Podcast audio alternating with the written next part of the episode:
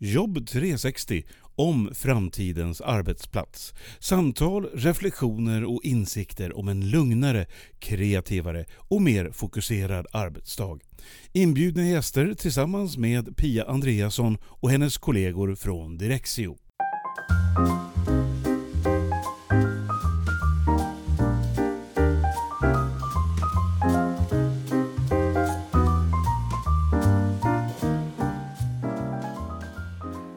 Nu ska jag iväg och träffa en väldigt intressant person, Henrik Byström ifrån Microsoft. Han är ansvarig för deras koncept Modern Workplace, eller som de säger på svenska, det nya arbetslivet. Och det handlar ju om ett mera digitalt och rörligt arbetsliv. Så det ska bli jätteintressant att eh, diskutera med honom vad det här innebär för framtidens kontor och arbetsplats.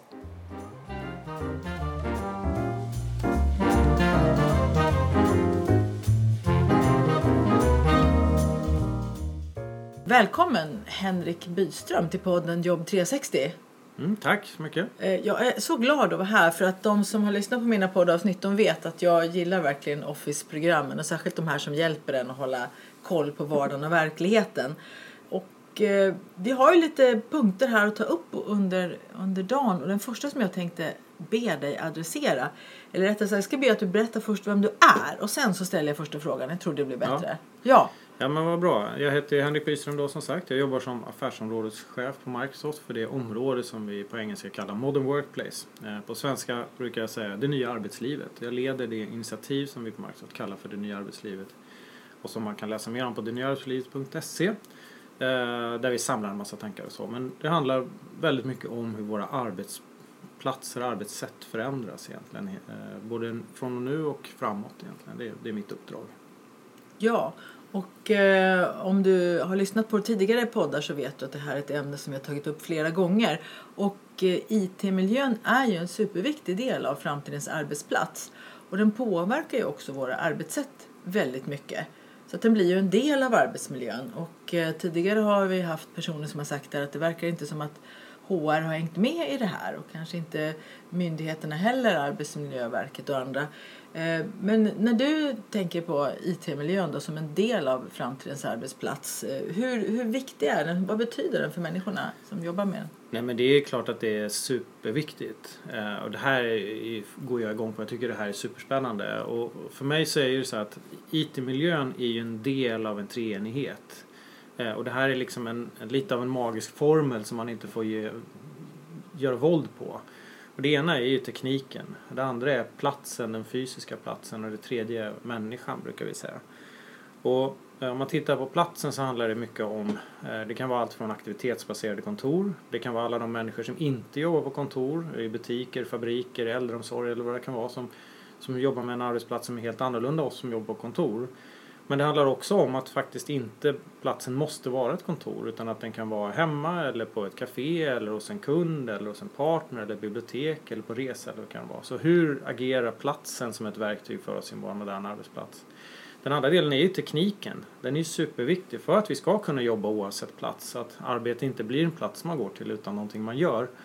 Så, så behöver vi ha teknik som funkar för att kunna ha möten på distans, för att kunna komma åt information, för att kunna bära med oss våra digitala verktyg och all den miljö som vi har. Så vår arbetsplats blir både en fysisk och en virtuell digital plats. Men då måste det, det påverkar ju också naturligtvis våra arbetssätt, vår kultur, vårt ledarskap, hur vi samverkar tillsammans med varandra som människor. Och därför menar jag på att det blir den här treenigheten som, som liksom alla är lika viktiga de här delarna, teknik, plats och människa och vi får inte liksom glömma bort den ena eller andra delen. Liksom. Så att IT-miljön är superviktig i en framtida arbetsplats, eller den nuvarande arbetsplatsen också supercentral. Ja, någonting som jag pratar mycket om eh, på mina kurser är ju det här med kunskaps och informationsöverföring. För där har ju vi var och en av oss en liten favoritmetod då som man använder sig av. Jag är ju en människa som väldigt gärna pratar mycket. Eh, och och eh, då behöver man ju reflektera över på vilket sätt ska jag överföra den här kunskapen eller på vilket sätt ska vi träffas nu och berätta saker för mm. varandra eller så. Är det då eh, via ord och i så fall går det att göra både när man träffas eh, öga mot öga som vi gör här idag och virtuellt också då öga mot öga eller bara via ett telefonsamtal. Eller ska jag göra det skriftligt? Och den nya tekniken stödjer alla de här tre sätten. Att man kan ju överföra en information muntligt och skriftligt och samtidigt lagra den så att den är tillgänglig framåt. Mm. Och det, ja men absolut är det så. Och vi vet ju till exempel att vi jobbar mer än dubbelt så mycket i team nu som vi gjorde för fem år sedan. Eh, vi har gjort studier på det där. Och det som är intressant då när, vi, när du precis beskriver det här att du är en person som som gärna pratar så kan det ju vara så att du har i ditt team personer som gärna läser eller lyssnar eller så. Och hur får vi deras kunskap till oss? Och där kommer vi tillbaka till igen då att vi har teknik för att möjliggöra att vi kan prata och vi kan skriva och vi kan läsa och allting. Men hur gör vi i teamet och hur ser vi till att alla hänger med, att alla får göra sin röst hörd, eh, att vi får allas åsikter och input på det sätt som passar respektive arbetssätt som man föredrar då. Och det är någonting tycker jag som är väldigt viktigt för en ledare också att förstå att vad har jag för team? Vad är teamets respektive styrkor och hur ser jag till att alla alla styrkor kommer till gagn i teamet. Eh, eh, och att alla gör sin röst hörd. Och det, det behöver man nog ha lyhörd, lyhördhet för. De tekniska hjälpmedlen finns där för att stödja, som du säger, både röst och skrift och läsa och möten på distans alltihopa. Men vi måste kommunicera i vårt team hur vi gör det på bästa sätt. Då. Ja, vi kommer att komma in på det här på slutet. För berättade en sån intressant sak för mig här innan vi satte igång inspelningen som du ska få återkomma till på slutet. För det tyckte jag var eh, jättehäftigt. Vilken cliffhanger. Eh, ja, precis. Eh, men jag tänkte på en sak. Jag hade kurs faktiskt för några veckor sedan via Skype. Eh, för en grupp personer där några är eh, inte är hörande. Eh, och då börjar jag förstås titta på de här redskapen som jag berättar om. Det är ju mest Outlook och OneNote för det är där man använder det som baslinje när man håller koll på sin, sin vardag, sin verksamhet, nästan vad, vad man än jobbar med idag. Microsoft eh, Teams skulle jag säga också. Ja, Teams central. kommer mer och mer. Eh, och eh, där så visade jag den funktionen då att om du har till exempel en anteckning i OneNote så kan du både spela in ljud, du kan prata in det du vill berätta för någon och du kan ju också spela in en film. Mm. Så att om man eh, ska prata med människor som eh, helst använder teckenspråk så kan man ju ta och ha sitt budskap på det sättet in i OneNote och förstås mm. även i Teams. Det går att lägga in allting på det sättet. Så att hur vi väljer att kommunicera, ser du att det blir en viktigare att, att det blir viktigare att vi tänker efter vilka kommunikationsmetoder vi har? Eh, ja, det tycker jag. Framförallt att man pratar om och kommer överens om hur man gör. För det här är också väldigt olika eh, på, många perspektiv. Till exempel så har vi idag fyra, eller man pratar till och med om att vi har fem olika generationer på arbetsplatsen. Eh, och de här fyra har en olika digital uppväxt. Om jag pratar med min son som är 16 år så, så har han inga som helst problem med att arrangera en scouthike med 200 personer med, med matten och mat och boende och sjukvårdsgrejer och alltihopa via chatt. Medan som jag pratar med min far som är 75 och är liksom fortfarande jobbar lite grann. Han, han tycker att människor måste ju träffas Henrik fysiskt. Liksom. Det är viktigt för honom. Så att här har vi en skillnad i beteenden eh, hos alla oss däremellan. Eh, och då, då behöver vi ju att kunna förstå att i vissa team så är det kanske väldigt många unga människor som har ett sådant beteende typ som uppskattar kanske en chattkonversation. Medan i ett annat team så har vi kanske en annan generation och i vissa fall så är det en blandning av det här och då måste vi någonstans hitta förståelsen att kommunicera för. Vad är det bästa sättet att kommunicera på? Men också som du är inne på att tillgängliggöra det för alla oavsett om man har funktionsvariationer eller bara faktiskt inte kan vara där. Vi kan ju ha medarbetare i teamet som vi gärna skulle vilja ha input från ett möte men de är upptagna just då. Då kan vi spela in mötet eh, och de kan ta del av det efteråt när det passar dem och sen kan de ge sin återkoppling utifrån det. De är inte där i mötet då och kan ge sin feedback men de kan ändå ge sina reflektioner efteråt och sådär. Och det här är ett beteende som jag är övertygad om kommer att skifta eh, väldigt mycket. Att vi kommer att jobba både i realtid men också inte i realtid men, men där arbetet ändå fortsätter kommuniceras kring. Då. Eh, och det, det, det sker en stor skillnad där skulle jag säga. Det är jätteviktigt. Mm, jag tänkte på en sak, jag tittade igår på ett webbinar om hur man, hur man använder sig av de här både inspelade och eh, live-streamade sakerna i utbildningssyften. Och eh, en sak som han sa då var ju att vara naturlig. Jag tänkte på de kurser jag har via Skype. Då brukar jag alltid säga Nej, men nu tar vi fem minuters, eh, tio minuters kafferast här. Och sen går jag själv och hämtar en kopp kaffe och säger Ja, har ni fått kaffe nu då allihopa? Och, och eh, ja, jag dricker mitt kaffe och så fortsätter jag utbildningen. För att det är ju så man gör på ett vanligt möte så att säga. Ett möte där man träffas fysiskt. Och det går ju att föra in så många av de elementen även om man har ett virtuellt möte. Mm. Så att det känns som ett naturligt möte och inte något eh, digitalt annorlunda utan Mm. det är ett möte som alla andra. Nej, men det, det är rätt. Jag tycker att det är till och med viktigt att du tar upp det för att eh, ibland så har vi en tendens att gnälla på att så här, vi kommer inte igång med det här digitala mötet tillräckligt snabbt eller vad det kan vara. Så här, jag säger så här, ta det lugnt. På ett vanligt möte så passar vi på att prata lite socialt. Och hur var det i helgen? Och har du hört den här senaste nyheten? Och vad det nu kan vara för någonting. Så här, vi har en social kontext i mötet också. Vi är inte bara pang på, nu ska vi börja diskutera från A till B och sen är vi klara efter 18 minuter. Utan det sker ju en social samvaro här. Och den måste få ske även i en digital kontext. Att vi har folk om, som är på olika platser och sådär. Där kan man fråga, hur var är du någonstans? Jag är i Göteborg, ja, hur är vädret där? Och det, det är viktigt att ha den här sociala kontexten. Liksom. Man får lyssna lite på Ring så spelar vi på lördag Ja, där och höra hur man gör för att skapa kontakt i Ja. ett, ett möte som, som sker från olika platser via ett digitalt medium som ju Ja. telefonen är idag. Det är inte så svårt som du Nej, säger. och det, det är också viktigt för när vi bygger kultur. Jag har ju till exempel medar, eller medarbetare och kollegor som, som jobbar över hela Europa och kanske hela världen. Eh, och då brukar jag få frågan så här, men hur bygger man en teamkultur runt omkring en virtuell kontext? Eh, och det är just sådana här saker som är viktiga. Att man ändå får den där spontana kommunikationen, att man kan chatta med varandra på ett litet eh, enkelt sätt och och med ett särskilt språk som man har i nära kommunikation mellan människor. Men också i möten att man liksom har de här inkluderande fraserna och sociala intresset för varandra. Att inte allting bara blir profession på något sätt. Mm. Att det som jag har använt i kurserna det är ju förstås att jag precis som på en vanlig kurs jag frågar runt liksom Henrik vad, hur tänker du kring det här och Stina vad har du eh, gjort för erfarenheter och så vidare. Och när man sitter och berättar och delar eh, erfarenheter, tankar, insikter och så då blir det ju den här teamkänslan. Precis. Den feedbacken får jag ofta och det är människor som aldrig har träffat varandra. Vi träffas tre gånger via Skype i de här Mm. kurserna och efteråt får jag feedbacken. Vilken bra teamkänsla vi fick. Vad Ja. roligt det var att vara en grupp fastän vi inte har träffats. Ja, lite, Så det behöver ju inte vara svårt. ja, jag, jag är lite fan av en modell som jag lärde mig för många år sedan som heter Jag har i fönster. Som, jag vet inte om du känner till den. Ja. Och den tycker jag är väldigt intressant. Den pratar ju om det här som är känt för mig själv och känt för andra.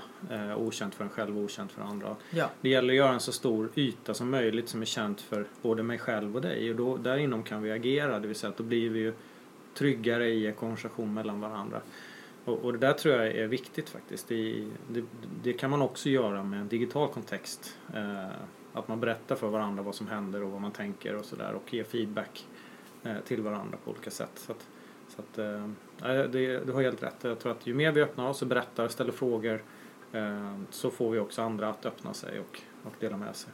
Mm, och att man i de här mötena inte att man är vaksam då man har ett möte att man ser, känner de här människorna varandra Mm. innan. Ska jag köra en presentationsrunda och att man verkligen leder den för att det är lätt att leda den fysiskt för då kan man titta och peka. Det är inte lika lätt Mm. digitalt. Då får man jobba mycket med rösten har jag märkt. Att, att jag verkligen adresserar varje människa och så får de berätta om sig själva. Och bara där landar det, ja men okej nu känner vi varandra lite grann här. Då, då blir det, det- lättare att, att gå in på det som mötet handlar om sen. Ja, och det där blir också intressant om man tänker sig, man pratar om, man brukar prata om så kallade sociala nätverk, Enterprise Social Networking, till exempel Yammer eller i Teams-samarbeten i Microsoft Teams, att man, man faktiskt också kopplar tillbaka och, och responderar. För om man har en idé och någon ställer, eller någon ställer en fråga eller lyfter en idé och ingen svarar, då kommer jag ju bli hämmad och kanske känna så här, det var ingen som var intresserad av min idé. Eh, jag, jag ger ingen mer idé heller. Liksom. Men om andra då klickar like eller kommenterar och kanske bygger vidare på idén, då känner man så här, det här var ju intressant, folk vill ju ta del av det här, jag delar med mig en idé till eller kanske blir inspirerad av, vet du vad, den där fick ju massvis med inspiration från den, sin idé. Jag lägger min idé också och sen så skapar man en kultur där man kommunicerar och delar med varandra och skapar aktivitet. Så att, så att, att våga liksom ge feedback eh, i de här sammanhangen tror jag är jätteviktigt för att nära en kultur liksom, av, av öppenhet. Mm, för att i ett vanligt möte så ser man ju på minspel ofta och jag tänker så här att i ett vanligt möte kan det bli att, att man kan tänka att människor är lite tveksamma för att de inte säger någonting. Mm. Men i en digital kontext där kan det ju ta liksom en halv dag mellan att jag lägger in något och jag får respons. Ja, kan Då kan ju en människa ha tänkt efter väldigt noga. Men hade jag suttit framför den personen hade jag nog blivit jättenervös på den stunden och tänkt att tycker de verkligen om det här som jag säger. Så den här tidsförskjutningen som Ja. vi har i, i det digitala samarbetet kan ju vara en tillgång. Mm. Och det där märker man ju väldigt tydligt. Det kan man märka om det, när man lyssnar på radio, om det blir lite tyst i Redan efter vad är det, 15-30 sekunder så går de in från någon form av central och säger att vi har tekniska störningar. För att när det blir tyst så blir vi stressade. Ehm, Så att det måste man, det, jag förstår, det, är- det är lite skill- där skiljer sig digitala eh, i realtid versus... eh, Ja, brist på respons eh, är ju farligt för oss människor. Det, Ja. det är ju jätte, jättefarligt. Då går amygdala igång på en gång Ja. och undrar vad är det som har hänt. Vi ska spåra in på ett annat spår. Den här IT-miljön som vi har idag och den fysiska miljön behöver ju nu samspela på ett nytt sätt än när vi för 20-30 år sedan när vi inte hade de här möjligheterna. Mm. Vad ser du att det ställs för krav på det fysiska kontoret då för att det här ska funka? Eh, nej men jag tror, om man säger att om man tittar på helheten så är det det som är intressant. Att vi kommer tillbaka till det där med platsen, vad den, vad den är. Är det ett fysiskt kontor? Är, är den att vi jobbar hemma? Är den att vi jobbar på ett café eller en kund hos en kund eller en partner eller vad det är? Ja, eller som Men om jag såg Solna Centrum har öppnat Ja. en sån här coworkingplats nu Ja, såg jag. precis. Och då blir det så här att då kommer det finnas då eh, saker som behöver vara viktiga att kunna anpassa. Det tittar man ju på i de här aktivitetsbaserade kontoren. Att det finns platser där man kan koncentrera sig, att det finns platser där man kan vara kreativ och så vidare. Men där man tänker samspelet mellan det digitala och den fysiska sker ju till exempel att om jag nu ska kunna jobba från sådana centrum här så måste jag ha möjligheten att koppla upp min enhet och kunna få informationen, komma åt informationen, kunna kommunicera med mina kollegor och alltihopa. Det innebär att jag måste ha tekniska hjälpmedel. Jag måste ha en en, en dator, jag måste ha en kommunikationslänk, jag måste ha informationstjänster som till exempel Office 365 där jag har alla de här tillgängligheten att kunna jobba med digitala verktyg. Men på ett fysiskt kontor så handlar det naturligtvis också på samma sätt om att man har tillgänglighet. Till exempel att man har ett nätverk som fungerar överallt i kontoret så jag kan koppla upp mig och ha mina online-möten varifrån det passar mig själv. Eller komma åt den där informationen eller den där rapporten eller skapa den där dokumenten eller kommunicera med människor. Eh, men det finns ju också då att man ska kunna jobba på olika sätt. Ibland vill man stå, ibland vill man sitta, ibland vill man ha, känna sig laid back och inspirativ så att säga. Så att det fysiska och det digitala växer ju någonstans ihop där.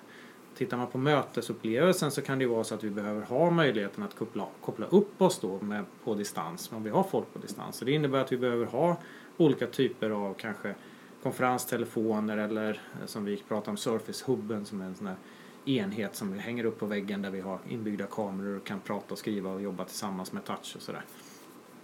Den typen av, av teknologiska hjälpmedel måste ju finnas i konferensrummet så vi bjuder in till att folk kan vara med på distans och inte bara fysiskt. Så, att, så det, det, jag skulle säga att det fysiska eller digitala kommer faktiskt in i den fysiska möbleringen också eh, och man måste analysera där.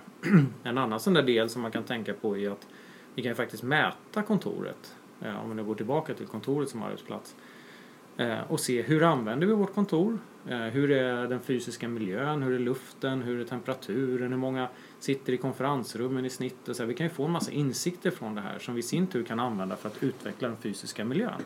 Eh, då kanske vi kan se att, eh, som vi gjorde hos oss, att vi insåg att här hade vi ett konferensrum som inte användes lika mycket som alla andra. Varför gjorde det inte det? Så gick vi och tittade på det där och då var det lite mörkt och murrigt runt omkring, inte så inbjudande. Eh, Så vi satte dit lite växter och lite mer belysning så att det skulle bli lite mer trevligt så att säga. Och eh, då började det bokas mer i det konferensrummet och sådär. Mm. Så man kan använda tekniken för att liksom hjälpa till att utveckla den fysiska När man mäter upp det. Jag var vid ett eh, en, eh, tidigare poddsamtal här så var vi i ett konferensrum där det var ett sånt här högt bord med såna här barstolar. Och då hade jag just på gång att jag skulle prata med Ann Epstein och Lena Lehmann om eh, att en arbetsplats som passar för olika passar också för alla. Mm. Och jag tänkte att den personen jag skulle prata med då hade inte kunnat boka det rummet om jag till exempel hade varit rullstolsburen. Nej. Då hade det eh, mötesrummet fallit bort så att säga i de Mm. tillgängliga alternativen. Eh, Och det tänkte jag, det är lite onödigt för det behöver man, inte, man behöver ju inte de där höga borden för något särskilt. Det ser bara lite cool ut och bra ut och så. Ja, både och faktiskt. För att för oss som har möjligheten att stå så kan det vara synnerligen effektivt. Eh, dels är det bra att det är bra för oss för det stärker vår bål. Eh, men det kan också vara effektivt i att till exempel vi pratar om att vi har olika mötesrum för olika ändamål. Eh, I ett beslutsmöte där vi ska vara kanske ett lite kortare möte, vi har förberett oss, vi går in och tar lite snabba beslut så stimulerar faktiskt en sån fysisk miljö till att vi blir effektivare i själva mötet och kanske håller det lite kortare, går mer rakt på besluten. Men däremot så tror jag att det är väldigt viktigt att man då när man ska boka det där rummet så ska man ju förstå att nu bokar jag ett ståbord. Det innebär att om jag hade bokat ett sånt konferensrum och hade haft en rullstolsburen person med mig så ska jag naturligtvis inte boka det. Det ska ju stå att det här är ståbord. Då bokar jag ju såklart ett annat. ja, Eh, men- Så informationen Ja. där är viktig så att man kan välja. Så där växer ju naturligtvis det digitala och fysiska ihop också. Mm. Att vi kan beskriva redan i bokningstillfället vad finns det för tekniska förmågor i det här konferensrummet? Är det ståbord? Finns det audio videoutrustning på plats och så vidare? Mm. Jag tänkte på en sak, det här bordet vi sitter vid nu, det har ju de här klassiska nu hålen i mitt på bordet där det finns en massa eluttag och kopplingar till, till projektorer och sånt. Mm. Och det är ju, backa 10-15 år så var det inte så liksom. Då fick alla ha skarvsladdar och, och, och så vidare. Och nu också tror jag batteristyrkorna blir bara bättre och bättre Mm. så att man måste inte ha ett eluttag hela tiden utan man kan klara sig en arbetsdag. Ja, Eh. men det, och det ser man, dels så klarar datorerna mycket längre men även när man har glömt ladda och ska sitta på ett café så ser man ju faktiskt att många kaféer ser till att dra in mycket mer eluttag också eh, för att vi ska kunna sitta där lite längre och köpa en kopp kaffe till. Och sådär. Ja, Eh, precis. För annars är det det första man ser på människor. De skannar av lokalen, var har vi eluttaget och så sätter de sig nära det. Så att, Ja. Eh, ja, det finns mycket att säga om den här fysiska arbetsmiljön. Jag tycker det är roligt för att du kommer vara med på den här konferensen Workspace Ja. här i vår och där kommer man ju också kunna se fysisk arbetsmiljö. Jag, den ser jag fram emot mycket, att man kan Ja. både klämma på den fysiska miljön och prata om det digitala och hur det samspelar. Ja men precis, vi kommer jobba tillsammans med Kinnarps där så att vi kommer ju ha en, en fysisk utställning där vi har en fysisk miljö där vi också möblerar med tekniska enheter och så där vi ska kunna föra det här samtalet om teknik, plats och människa på en och samma ställe så att man ska kunna få svar på alla frågor på ett ställe. Eh, Ah, och även kring då det här med personkultur och ledarskap så att vi kan liksom prata om hur man kan adressera de sakerna där. Så att vi kommer jobba tillsammans med Kinnarps där så att de bygger upp olika miljöer eh, och vi kan illustrera med till exempel olika typer av enheter som man kan behöva ha i de här.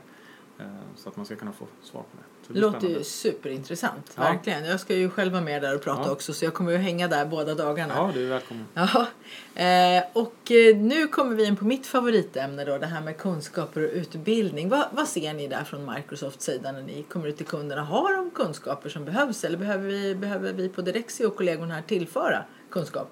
Ledande fråga kanske. Ja, men- precis. Jätteledande fråga. Jag vet precis Ja. vad du ska svara för jag har ju Ja. kollat det där själv lite grann. Ja, nej men det är ju så att eh, dels är det också, det som man ska också vara medveten om att det händer så otroligt mycket. Det kommer nya produkter och tjänster och så hela tiden. Så att svaret är naturligtvis att vi aldrig heller kommer att vara färdiglärda. Eh, men jag tycker generellt sett så, så tror jag att vi lägger lite för lite fokus på det här området. Eh, när, jag brukar säga att när man sätter igång en typ av förändringsprojekt så eh, tittar man ofta på att få ut tekniken väldigt snabbt. Och man kan säga vad man vill om IT-projekt, att de blir försenade och de är krångliga och de är dyra och allt vad det kan vara. Men det är inte särskilt svårt. Eh, vi rullar ut tekniken väldigt fort faktiskt. Eh, och det går förhållandevis enkelt. Det svåra är ju att förändra människors beteende så att de verkligen ta, kan tillgodogöra sig den här förändringen och jobba smartare och effektivare, spara tid, bli mindre eh, arbetsbelastad och så vidare och inte få samma stress. Eh, men för det så måste vi lära oss hur vi förhåller oss till det här. Vi måste lära oss vilka funktioner och så som finns i tekniken att använda. Vi måste lära oss hur vi beter oss i förhållande till det här. Eh, så att eh, ja, jag tycker att det är superviktigt och vi behöver lägga mer tid och energi på det. Sen kan man göra det på massa olika sätt. Och där skulle jag vilja säga att också att digitaliseringen faktiskt hjälper oss att göra det här på ett annat sätt. Med, där vi kan ta utbildningen till medarbetarna på ett sätt som kanske passar dem. Förut så var det ju mer så att man alltid hade en en, en, eh, man gick till en, en, bokade upp en vecka och gick på kurs. Liksom. Ja, ja. Eh, och det kan man såklart göra. Eh, men inte alla har den tiden och sådär. Så idag jobbar man ju på lite andra sätt. Du beskriver att du kör utbildningar online till exempel. ja. Man kör ju med olika typer av videos. Det kan vara att man har skriftligt material. Och då kommer vi tillbaka till det här hur vi konsumerar information och lär oss på bästa sätt. Så där tror jag att man ska göra en, en, liksom en analys som organisation och se hur får vi folk att utvecklas och, över tid också. För det här är inte heller någon engångsinsats som vi gör. Liksom, att nu mellan, mellan januari till mars så ska vi utbilda alla våra medarbetare. Så nu kan de allt. Utan det kommer de inte kunna utan det kommer nya grejer. Vi får nya medarbetare som börjar i organisationen. Vi kanske lär oss nya saker. Vi förändrar våra verksamheter så att vi kan arbeta på ett annat sätt. Så att man behöver ha in det här som en kontinuerlig del i sin plan. Eh, att ha ett ständigt lärande istället för att ha engångsinsatser. Ja, jag brukar tänka på det som att när, man, när, man, eh, när någon tar körkort det betyder ju att jag kan faktiskt köra väldigt många olika typer av bilar. Eh, och jag reflekterade över det en gång för väldigt länge sedan då jag skulle ta en hyrbil. Eh, jag var i Skövde och skulle ha en kurs. Det här är ganska länge sedan så det var en helt annan kurs än det jag gör idag. Men, eh, och sen skulle jag åka till Göteborg. Och eh, jag reflekterade inte över det där förrän jag satte mig i hyrbilen och tänkte att ja men just det, det här är ju inte så himla svårt. Mm. Jag kan ju jag kan ju sätta mig i den här bilen också fastän den inte alls är som den bil jag har kört till vardags. Mm. För att det är ungefär på samma sätt och samma ställe och, och, och så. Man ska, kan, jag visste att man kunde ställa in förarsätet och jag visste. Sen upptäckte jag att det började regna och då upptäckte jag att jag hade inte tagit reda på hur man då satte på pulsen på, på Mm. eh, vindrutetorkaren. Men jag visste ju att det fanns. Mm. Så att jag kunde bara köra åt sidan, kolla okej hur gör man det på den här bilen? Jaha, det var den. Och så körde jag vidare.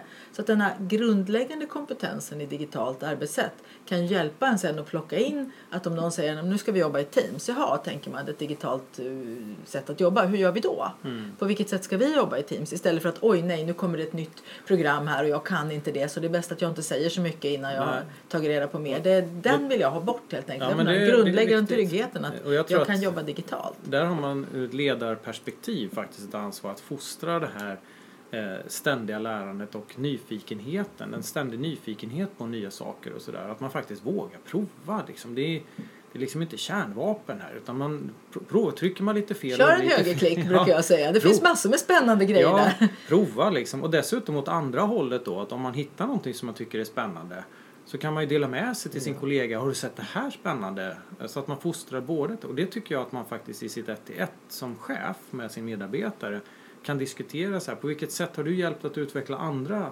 i, i teamet eller i verksamheten? Och på vilket sätt har andra hjälpt att utveckla dig? Ja. Eh, Så att man får in den här medvetenheten, det här kontinuerliga att, att liksom vi, på vår arbetsplats så lär vi oss hela tiden.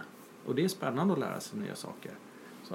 Ja, och det brukar jag säga för ibland gör jag uppföljningar med personer som är är sjuka av någon anledning när jag har en kurs och säger jag tar den personen via Skype, jag ger den samma kunskap som ni har och sen så, så kommer jag berätta för den här personen att eh, nu kan du Kalle gå och fråga var en av dina kollegor vad har du lärt dig, vilken är din favorit liksom som du har hjälpt dig och så säger jag det till Kalle att jag har förvarnat dina kollegor. Gå runt och fråga dem nu vad de har tagit till sig, vad de lärt sig. Just för att befrämja det här som du beskrev. Att det är så viktigt att man delar.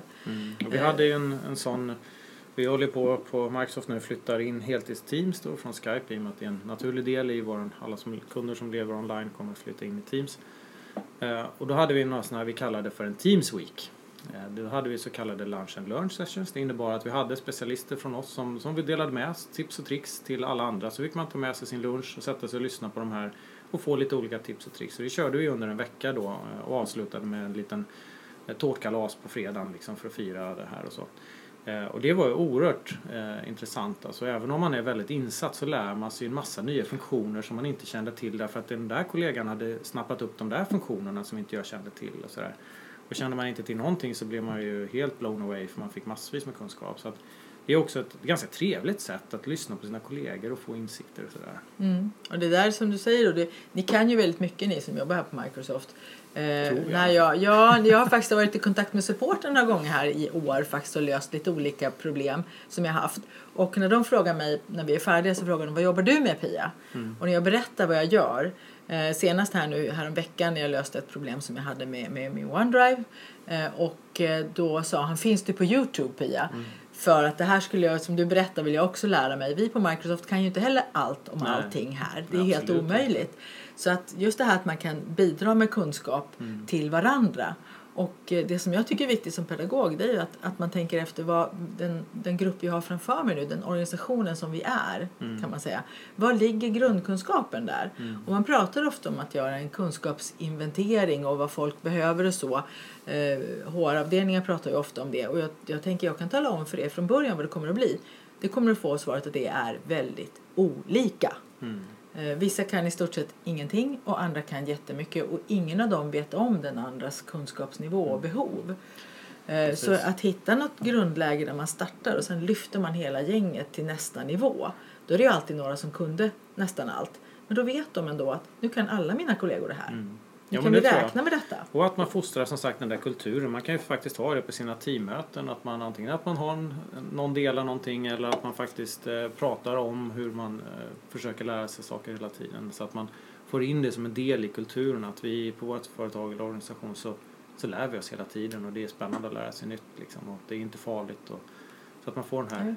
Inbyggda kulturen av att vilja lära och vilja lära andra. Tre prickar ner i högra hörnet betyder här finns Ja. det kuliga grejer Ja, som man ja, kan använda sig av. Lite så. Precis. Eh, Vi kom faktiskt in här nu för den, den nästa sak jag tänkte upp är ju det här att det kommer ju hela tiden uppdateringar. Det kommer ju nya funktioner och finesser vart efter.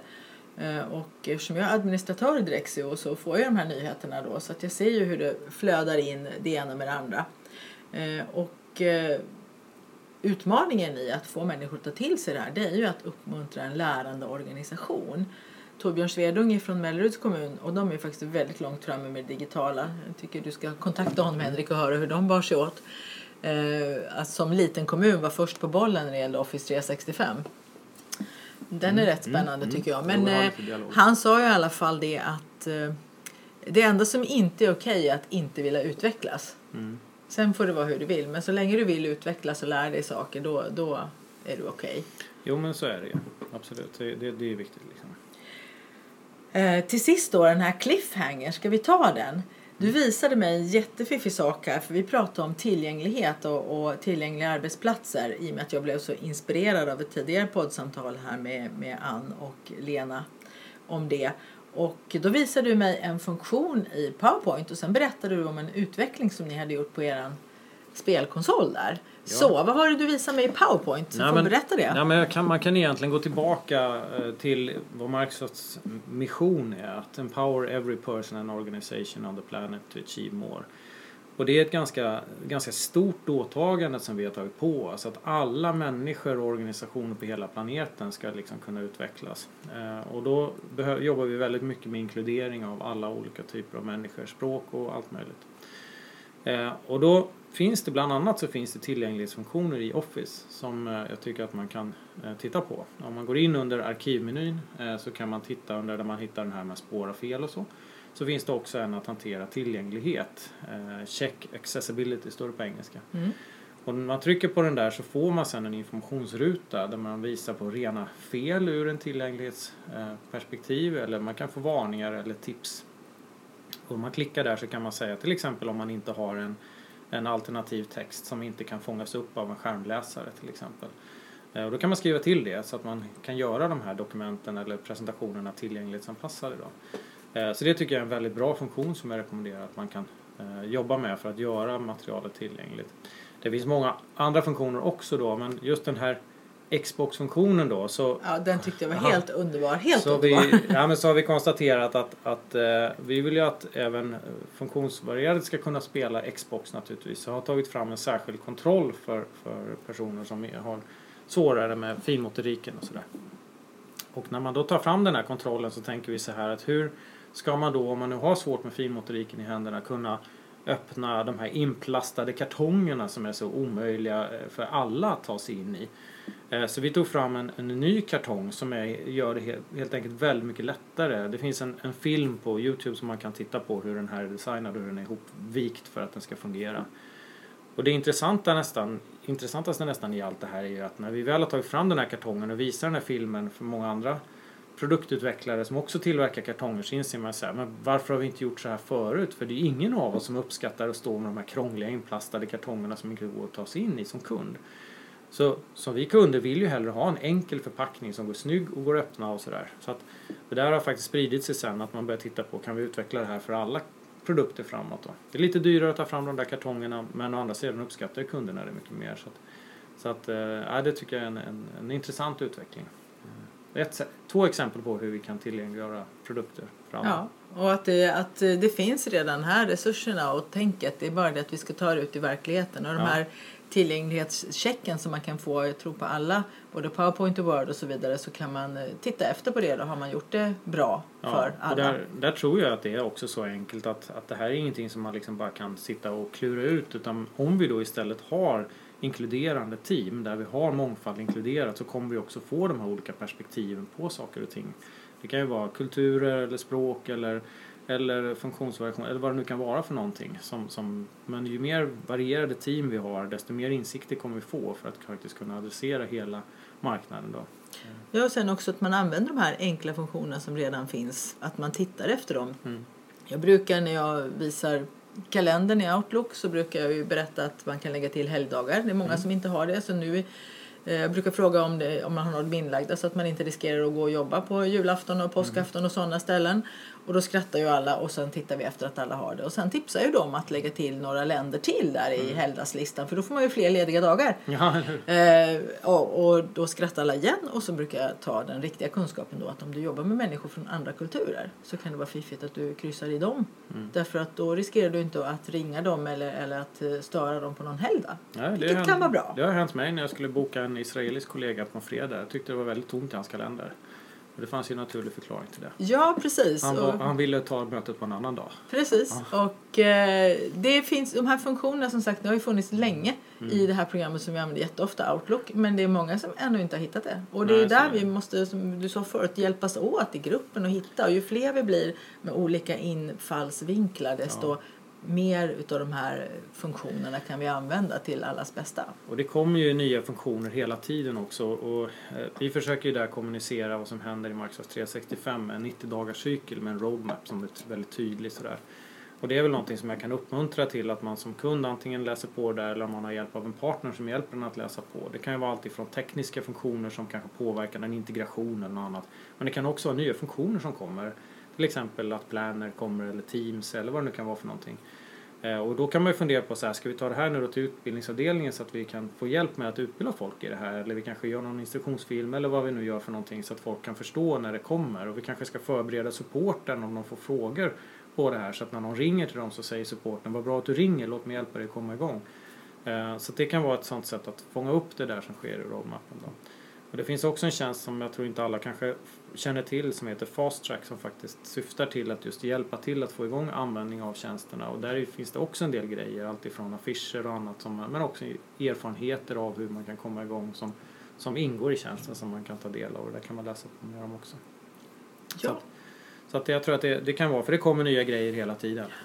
Och det där finns en chans att hålla koll på det med roadmappen då som, som Ja. berättar vad som kommer att komma framåt. jag tror att det viktiga är ju som sagt vi måste hålla ihop det här med teknik, plats och människa och förstå att människorna måste komma med. Vi kan inte bara trycka ut massa teknik och vi kan inte bara förändra fysisk arbetsplats till något aktivitetsbaserat eller vad det nu är.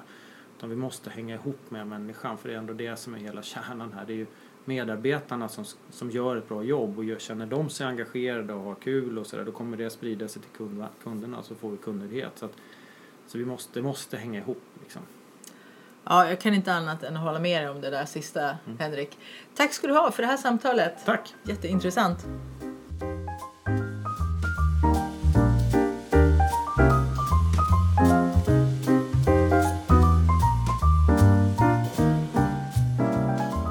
Ja, vad intressant det var att få prata med Henrik. Han pratar ju också om den här heliga treenigheten som man måste tänka på när det gäller framtidens arbetsplats.